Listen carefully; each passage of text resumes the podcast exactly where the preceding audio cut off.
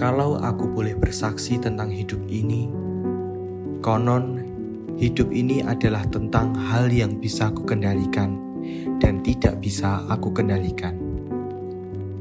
Aku pun pernah mendengar, untuk menjalani hidup, aku hanya perlu fokus dengan apa yang bisa aku kendalikan dan melupakan apa yang di luar kendaliku.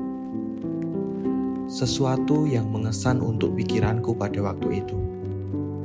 Setidaknya waktu itu.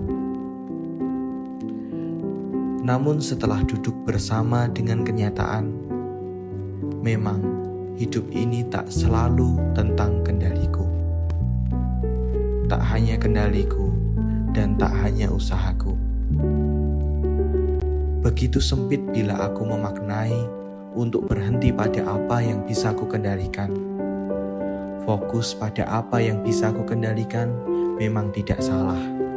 Demi alasan ketenangan dan usaha berdamai dengan kecemasan, mungkin hal itu tidak salah.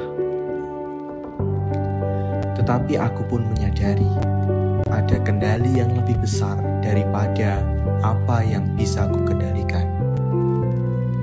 Tuhan yang Maha Memahami itu hadir dalam hidupku, berkarya, dan mengendalikan hidupku. Seperti Yohanes Pembaptis yang bersaksi, "Dia inilah Anak Allah."